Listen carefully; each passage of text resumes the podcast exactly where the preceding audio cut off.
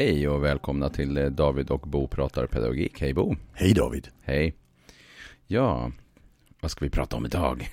Jag tänkte vi skulle ta, prata om Dr. Jekyll och Mr. Hyde. ja, våra två naturer. Ja, precis. Ja. Och det är inte så illa som den elaka och den snälla. Det, så är det ju inte. Ut, utan det, det är det att eh, både du och jag har läst en liten artikel i, i DN här under jullovet. Ja, Eh, som, som jag tycker det är lite re- re- relaterat till forskning kring, från eh, Wilkinson och Pickett. Bland annat, ja Bland precis. Och, och, och det är egentligen så handlar artikeln om det här med ojämlikhet och, och det kanske inte hör hemma i, i David och Bo pratar pedagogik. Ja, det kan det göra för att eh, rättvisa brukar vi prata om Ja, ibland. Artikeln heter Därför är vi genetiskt anpassade att må illa i ojämlika samhällen. ja. I Dagens Nyheter. Mm, och skriven av. 31 december 2018. Eh, av en psykolog och författare faktiskt. Eh, Tor Wennerberg. Ja, precis. Ehm, och det var 2018, det är till och Ja, med år det var det, precis. Oj, oj, oj, där ser man, ja. Ja, tiden går. Så är det när man läser Men saker eh, på det var nätet. intressant. Eh, Mm. Ja, jag tycker det är intressant på många fält. Eh, Mm. Det han hänvisar till är några böcker. just det. Eh, och som han går igenom i förhållande till det här med ojämlikhet. Eh, och, och där är det lite olika faktorer som tas upp. Och det är ju både, alltså vad vet vi rent faktiskt om ojämlikhet i samhället? Ju Ja. större ojämlikhet, ju mer psykisk ohälsa och så Ja, vidare. precis. Sådana Det- saker vet vi. Det, det, det vet vi och det kanske Mm. inte riktigt hör hemma i båda av vi pratar pedagogik. Mm. Eh, men, men däremot när vi, när, vi, när vi börjar titta lite på de här sakerna som ligger bakom, då blir det faktiskt lite spännande tycker jag. Ja. Eh, inte minst det Wilkinson och Pickets evolutionstänkande Ja. som, som, som jag tycker är spännande. Absolut. Och det de säger där det är ju att eh, vi har ju en lång, lång utvecklingshistoria. Mm. Och i, i början Många miljoner år tillsammans ja, som samarbetande människor. Ja men också inte alltid som samarbetande varelser. För vi kommer ju från, från däggdjur. Ja, så, så, de, säger att från början hade det varit ett, ett mer konkurrensorienterat. Mm. Och sen blev vi bättre och bättre på samarbete. Ja, I samband med att vi blev jägare och samlare och så Mm. vidare. Och, eh, och sen övergick jägar och samlarsamhället till bondesamhället där vi ju också samarbetade i stor utsträckning. Mm. Men där det också blev mer konkurrens det. mellan grupper och så. Mer än det kanske var när vi var jägare och samlare. Mm. Eh, så vi har de här båda delarna i oss. Alltså både den här hierarkiska sättet att tänka och även det här samarbetet. samarbetsorienterade. Och, och det tycker jag är jättespännande i och med att i min forskning passar det rakt in. Där jag Ja, precis. För vi tänkte att vi kunde relatera lite till det. Mm. Jag diskuterar utifrån det här med att när vi, när vi ser oss som jämlika i en grupp, där, måste, där förväntar vi att man uppför sig. Men när Ja. vi ser någon som är svag och sårbar, där förväntar vi att man, blir, att man tar hand om den. Precis. Det är Alltså, en det- slags etik som ligger i det där med att vi tar hand om den som är svag eller sårbar Ja. eller så. Men inte om den som är jämbördig, där förväntar vi att de kan själva. Nej, och då blir det intressant när folk beter sig illa. Hur vi tänker Ja. om det som händer. Ja. Precis, ett exempel jag brukar använda det är att om, om man sitter i en sammanhang, eh, till exempel på en föreläsning eller på jobbet och Ja. sen reser sig och bryter benet. Mm. För att man vrider fel på kroppen. Så brukar man skrika.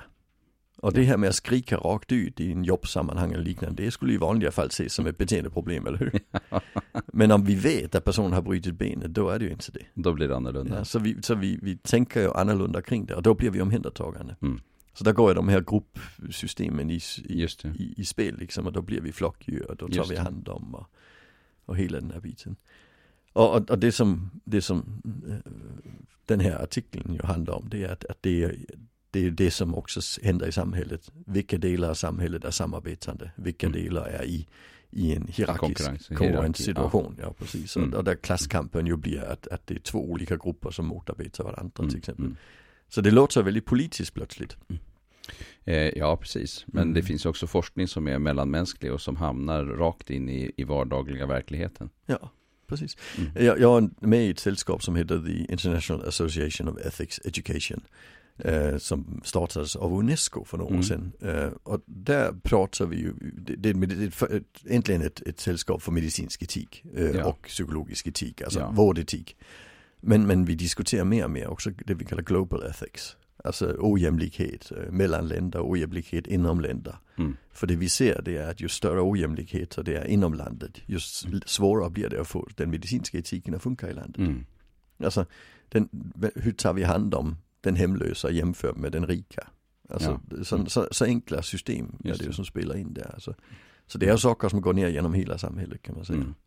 Och det är absolut inget vänstersammanhang den här UNESCO-föreningen utan det är ju det, det, vi, vi sysslar med etik och det, det, det, det är inte Ja, folkhälsa kan man väl säga då. För det är ju också Ja. det någonstans. Hur ska man se till att eh, eh, människor får vård och att hälsan upprätthålls i ett land och vad är det som bidrar till hälsa till exempel och, Mm. och så vidare. Ja. Ja. Eh, Och, och, och där måste vi titta på de faktorerna, Ja. även om de går in i en, en politisk verklighet också. Ja, så är det ju. Men vi kommer ju från vetenskapens sida, vi kommer inte från politikernas sida. Nej, nej, det, det nej, är det nej. som är viktigt. Mm. Mm. Mm.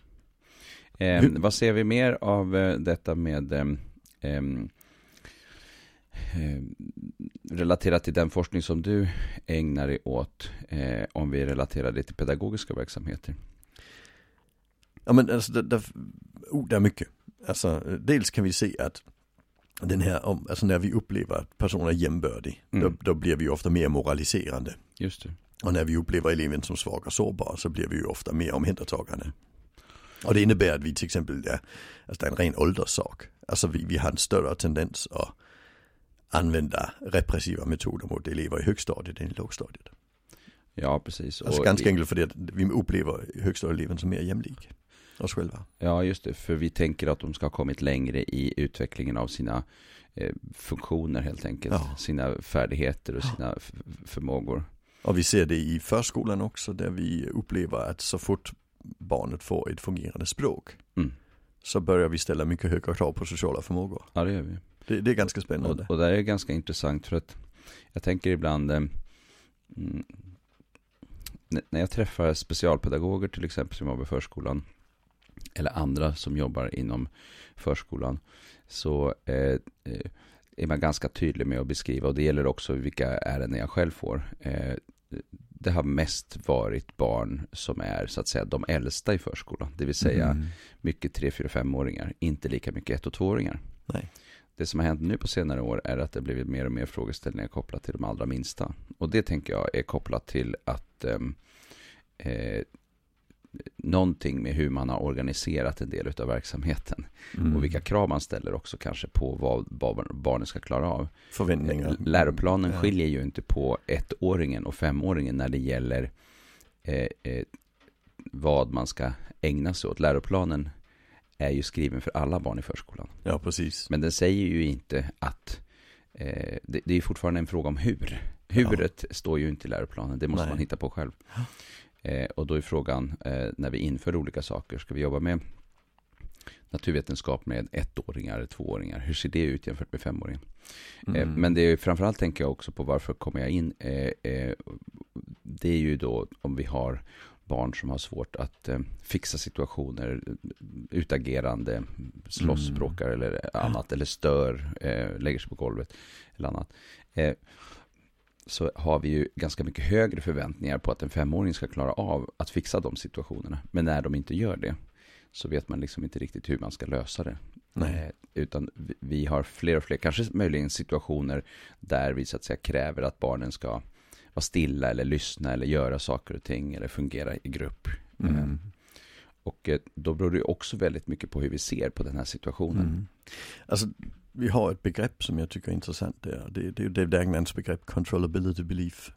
Mm. Alltså det, det han säger det är att varje gång du träffar en människa så kan du välja att gå i det jag kallar den goda cirkeln och säga han gör sitt bästa. Ja, Eller välja att gå i den onda cirkeln och säga han, han kan bättre, han gör Mm. det med flit. ja, Eh, och han diskuterade utifrån det här med att förväntar vi att barnet kan kontrollera sitt beteende. Om vi förväntar barnet kan kontrollera sitt beteende och inte gör det på det viset Mm. vi vill, då går vi under cirkeln. Mm. Eh, medan förväntar vi att barn inte kan kontrollera sitt beteende utan gör sitt bästa, då går vi i goda cirkeln. Mm. Eh, och, och där kan vi säga att det, det, det som läroplanen gör, det är att den egentligen beskriver att barn kan kontrollera vissa beteenden. Men den glömmer att säga att det är en utvecklingskurva i det. ja, precis. Och vad händer när det inte funkar som vi har tänkt oss? Ja, och, jag, ett, klassiskt exempel det är ju den här biten, men alltså när vi har ett och ett halvt-åringar som sitter i varsin högstol och så säger vi du får inte slå skeden i bordet, så slår de allihopa skeden i bordet. och det är ju inte för att de vill det, det är för att de inte kan låta bli. De kan inte Nej. hålla tillbaka impulser, det kan man inte i den åldern. Nej. Och då måste vi förhålla oss till att det är ingen controllability belief i den situationen. Det är ingen kontrollabilitet. Barnet kan nej. inte kontrollera sitt beteende precis.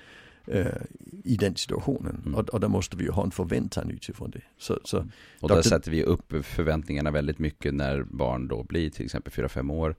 Och sen också för varje år i skolan Mm. så ökar vi ju verkligen förväntningarna på vad eleverna ska, ska klara av. Eh, utifrån någon typ av, ibland tror jag det blir till och med fel. Att, att vi, utifrån vad vi själva kan. Mm, Och ibland är det ju mer åldersorienterat, men i förhållande till genomsnittet. mm, Så mm. den som inte lever upp till genomsnittet kommer ju få problem i den miljön.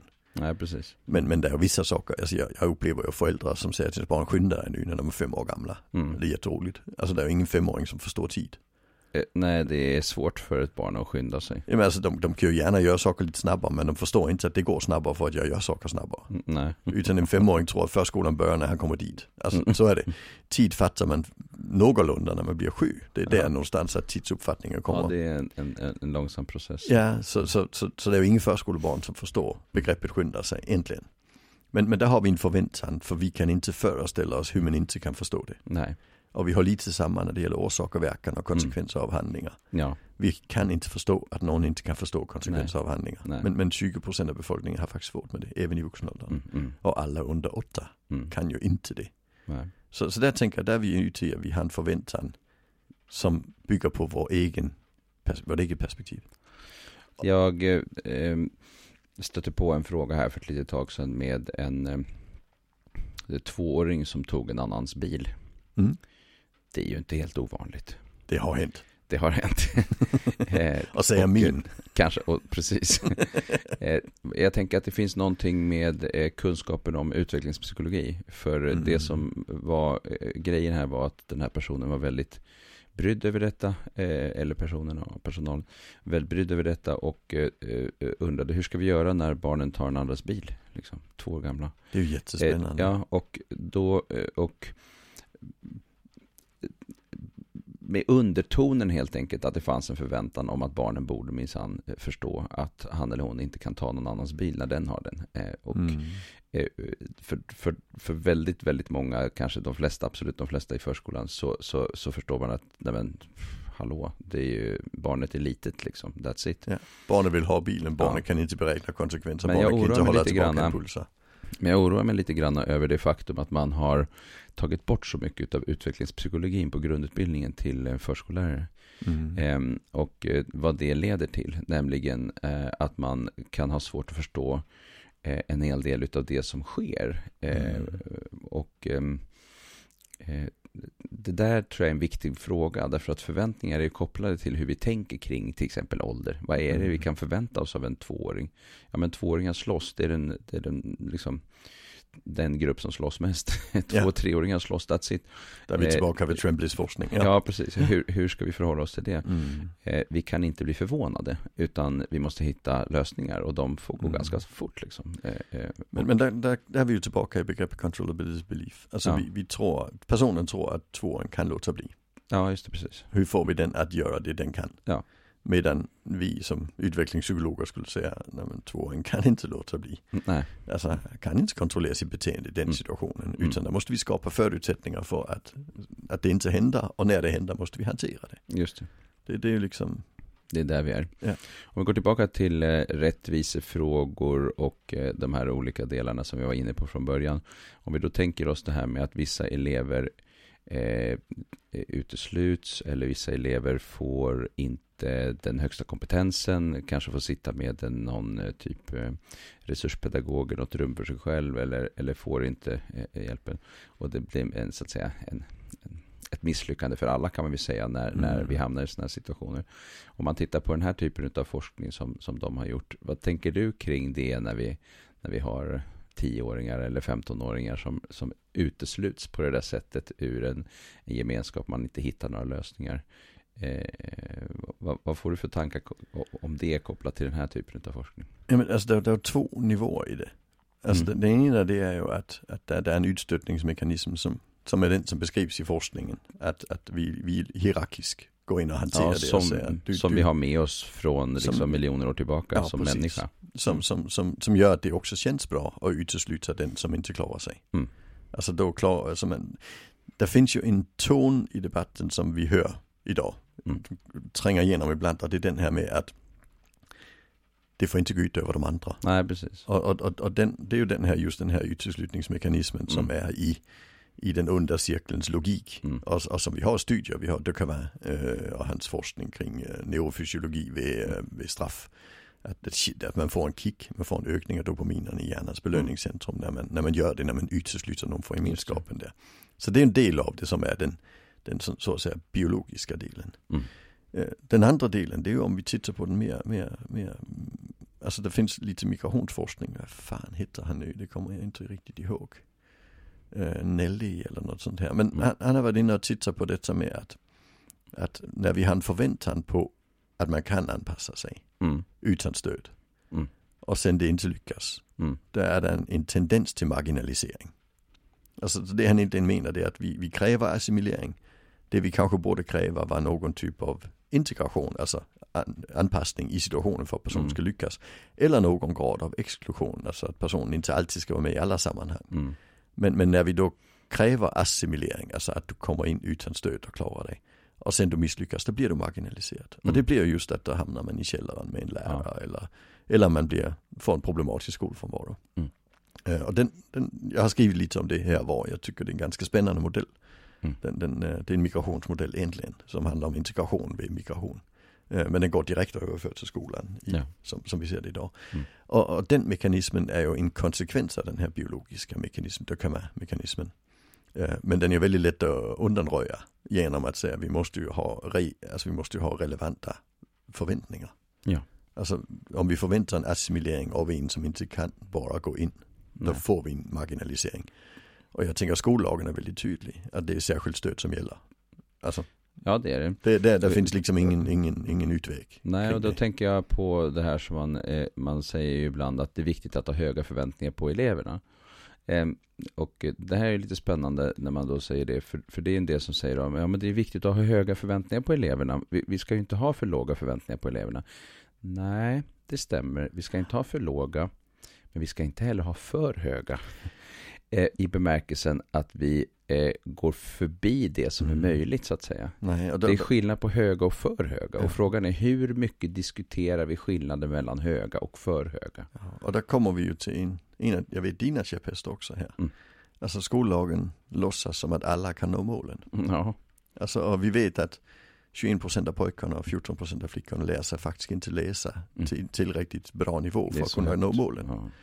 Eh, så, så, och i andra länder har vi det. Alltså Sverige är ett av de enda länder i världen där du måste få ett godkänt betyg i grundskolan för att gå vidare till någon typ av vidareutbildning, även praktiska vidareutbildningar. Mhm. Eh, Jag tror det är Sverige det enda landet i världen Mhm, där du mhm. får bli snickare och måste ha godkända betyg i grundskolan. Ja. Eh, Och det innebär ju att väldigt många blir marginaliserade där. Mm. Och det är ju något vi ser i debatten också nu, att folk Mm. börjar säga ifrån och säga yrkesskola ska inte kräva teoretiska kunskaper på den nivån. Eh, Men vi har jättesvårt att gå tillbaka, för förra gången vi gjorde det, då blev det dålig status. Folk sökte sig ändå till samhällsvetenskapliga Mm. linjer när de inte klarade det. Alltså, så, så det är jättesvårt att handskas med. Det är svårt att handskas med och också någonting med samhällets då förväntningar på hela befolkningen. Det finns en Mm. förväntan om att hela befolkningen ska liksom bli vassare och bättre och i konkurrens med omvärlden så ska vi bli liksom vi, vi, vi, vi driver upp oss själva så att säga eh, eh, och, och, och vi, vi sätter eh, tvååriga gymnasier blir treåriga eh, eh, praktiska gymnasier får mer teori alla ämnen får mer teori alltså vi driver fram det på det sättet och vi har en ganska liten sektor i vårt samhälle som, som, som är den här sektorn där det inte krävs någon utbildning överhuvudtaget Mm. jämfört med många andra länder. Ja, Eh. det, det är en del av det. Eh, Och, och ett problem där som då eh, vi kan hamna i är ju att eh, vi har drivit upp det här så pass långt i att man ska vara teoretisk och alltså liksom skolgång och man ska liksom klara att man till slut då eh, marginaliserar stora grupper som kanske inte ens ja men som, som verkligen känner sig värdelösa. För ett problem med betygssystemet idag är ju att ett F betyder ju att du helt enkelt är en nolla på det där. Eller liksom det är det Mm. upplevelsen. Eh, så, att, så att betygssystemet i sig, en etta var ju, det var ju inte ett bra betyg, men det var i alla fall ett betyg. ja. Alltså det är någonting som har hänt där Mm. med det här F.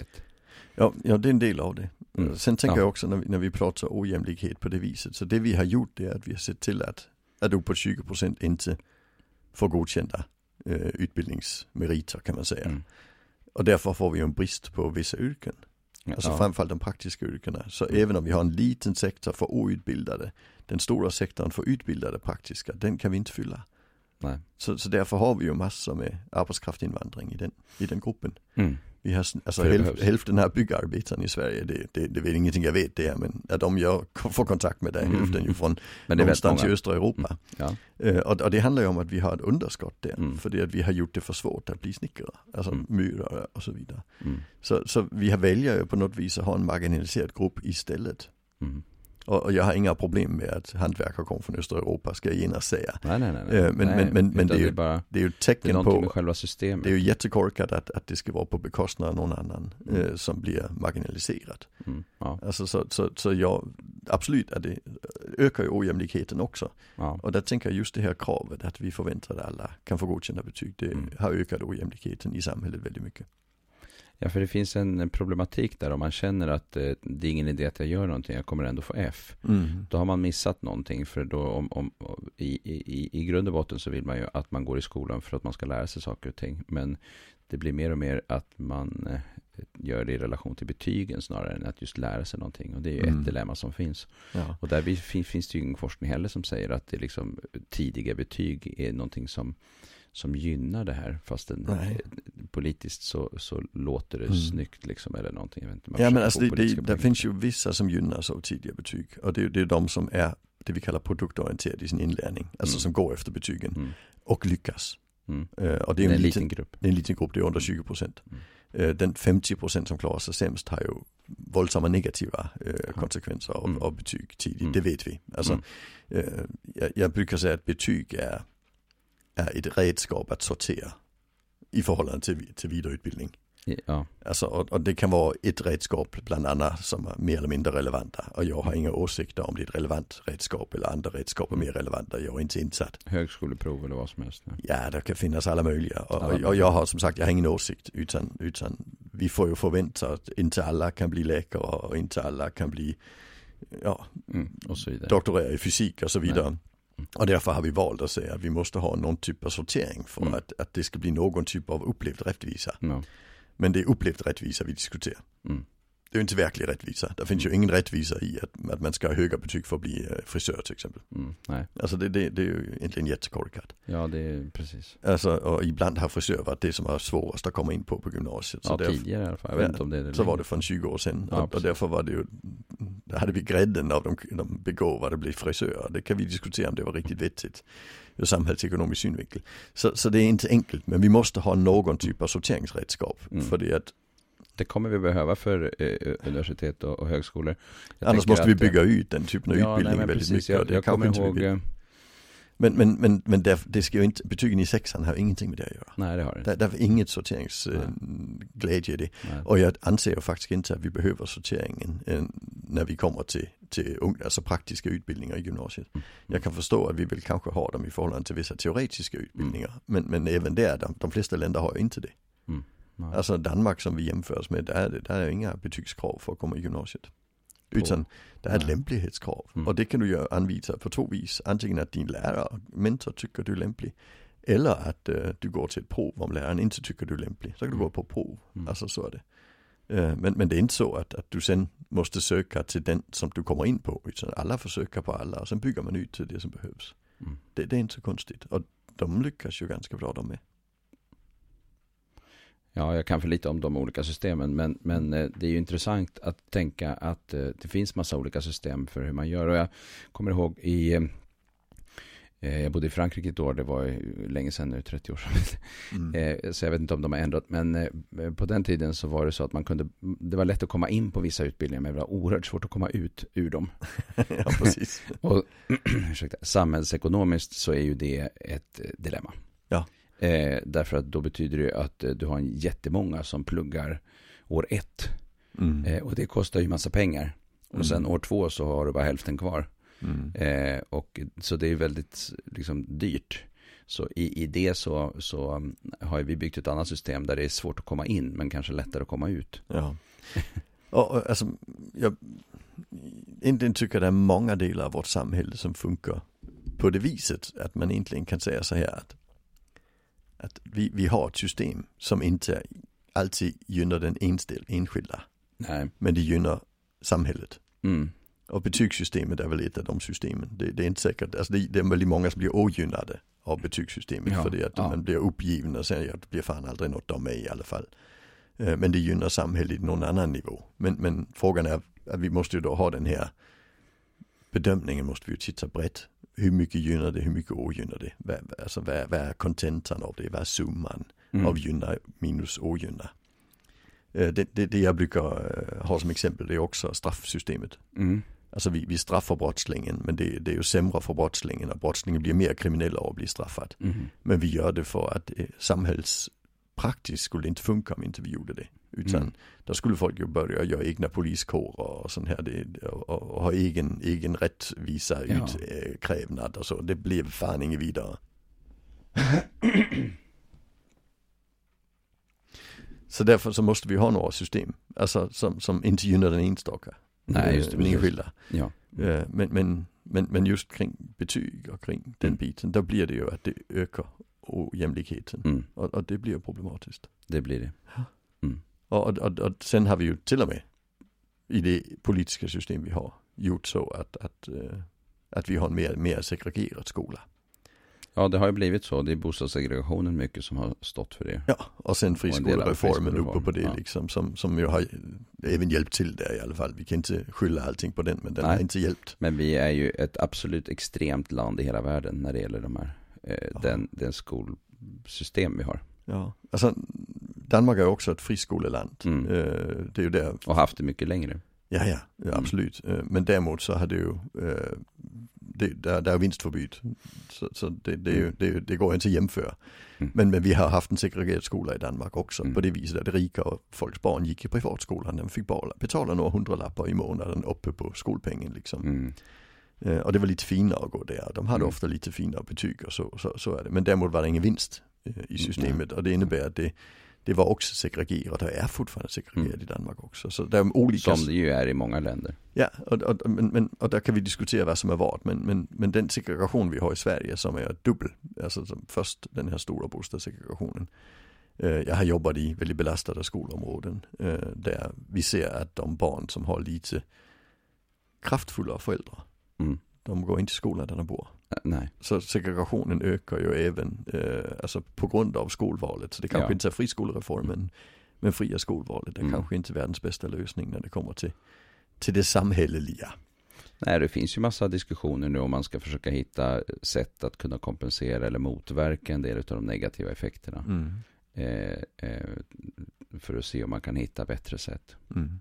Och där kan man säga att när, vi, när det kommer till, till betygen så gynnar vi den, det samhället till fördel för den enskilda. Vi vill hellre ha bra eh, det, sorteringssystem Mm. än, att, än att det ska bli bra Än för den enskilda. Nej. Men när det kommer till, till skolvalet, där gynnar vi den enskilda till fördel för samhället. Så, vi- så vi har ju motsatt rättade syften i hela vårt system. Och jag har lite svårt att förstå att de kan rymmas inom samma politiska ideologi, men så är det ju. Ja, så. Ja. Mm. Det är märkligt. Ja, det är många olika delar i det där. Och nu blir vi kanske jättepolitiska. Eller också gör vi inte. Nej, jag vet inte. Ehm, eh, Jag tänker att eh, det vi pratar om är ju eh, stora frågor som också relaterar till folkhälsa. Mm. Och kanske också till vilket samhälle vi vill, vi vill skapa. Och framförallt, hur ska vi göra för att se till att färre slås ut och marginaliseras? Det är en jättestor fråga. Mm. Och det är klart att vi inte har ett recept på det. Mm. Utan det är ju många olika faktorer som är betydelsefulla. Mm. Eh, och sen exakt vad som är lösningen för det ena eller andra, det är svårt att säga faktiskt. Mm. För förmodligen är lösningen en mängd olika eh, det är det som också har kommit fram med hur ska vi lösa eh, i de här eh, så kallade utanförskapsområden och så vidare. Hur ska vi lösa situationen där? Ja, det räcker inte med att vi ger mer pengar till polisen. Det kommer inte att räcka. Nej, det, det är inte det som gör skillnaden. Det är inte det som kommer göra så. Nej. Och det säger ju till och med polisen. Mm. De säger, men, men visst, det är bra, ge oss mer pengar, men Mm. vi behöver andra insatser. Ja. Alltså- Skola, socialtjänst, alla Ja. möjliga saker. Och det, det här är ju en, en, en viktig fråga. Mm. Eh, eh, Där jag tycker inte att vi har, eh, tillräckligt mycket driv i den frågan måste jag säga politiskt heller. Nej, alltså jag tänker skolans, skolan och förskolan tror jag är de allra viktigaste faktorerna för att, att, att minska den konsekvenserna av, av, av den ojämlikhet som Mm. finns. Att, att, eh, och där pratar jag inte om att vi har en, en, någon, någon ide, ideologisk föreställning om att alla kan nå målen. Mm. Utan det att, eh, att vi har en ideologisk föreställning om att vi ska hjälpa alla att kunna försörja sig. Mm.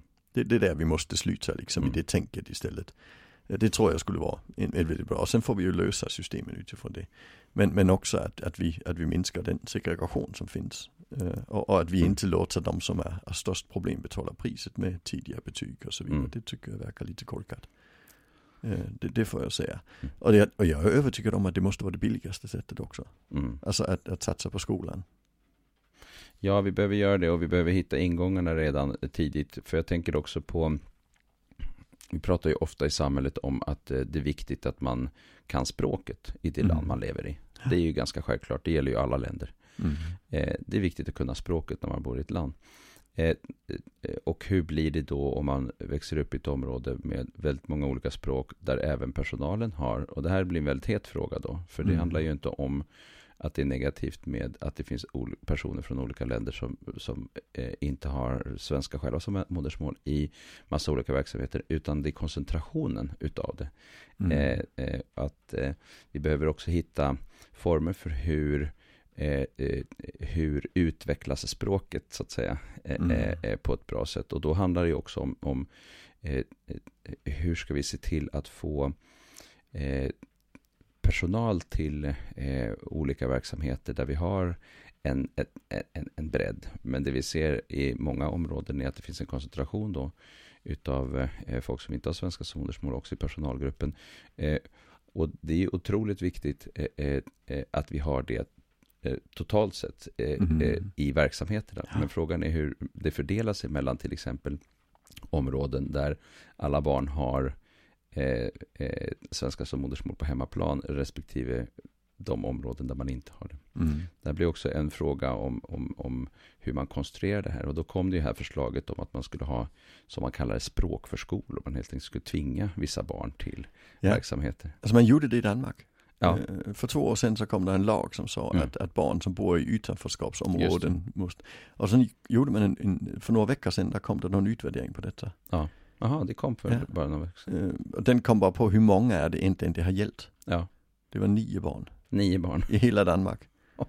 Så, så alltså utgångspunkten var att det är väldigt, väldigt få barn som inte Ja. går i förskola. Mm. Alltså så det, det var nio barn, man hade gjort en stor lagstiftning kring Mm. det. Man hade slagit på stora trumman att nu Mm. ska vi verkligen, och i verkligheten gällde det nio barn Nio som sen barn. blev tvingade iväg till Det är förskolan. oerhört intressant. Ja, så, så det är också en föreställning i huvudet på oss Mm. om att det går barn hemma som inte kommer i förskolan, som inte är Nej, och sant. det blir en, en, återigen en sån här politisk eh, liksom, Slagträ. slagträ. Ja. Precis. Mm. Mm. Så, så, så, så alltså, jag tänker det, det, det, det, låter jättebra, men, men det är kanske inte är där vi har lösningen för det är så få barn det gäller. Nej, vi måste Men däremot hitta- eh, utbilda jättebra språkpedagoger som, vi, Ja. som, som söker Hur jobb i de jobbar vi med områdena. språk? Hur jobbar vi med, Ja. Med eh, och, och, och det Hur mycket ska vi i hela... betala språkpedagoger som jobbar i Rosengård? Alltså det är inte en sån faktorer Mm. som ska i spel liksom, för, Mm. så att vi, vi kan få det att funka. Och det här är, blir ju en väldigt het fråga när man börjar tänka kring eh, eh, eh, olika, eh, alltså fördelning utifrån hur, hur man, eh, vad man har för, för språk.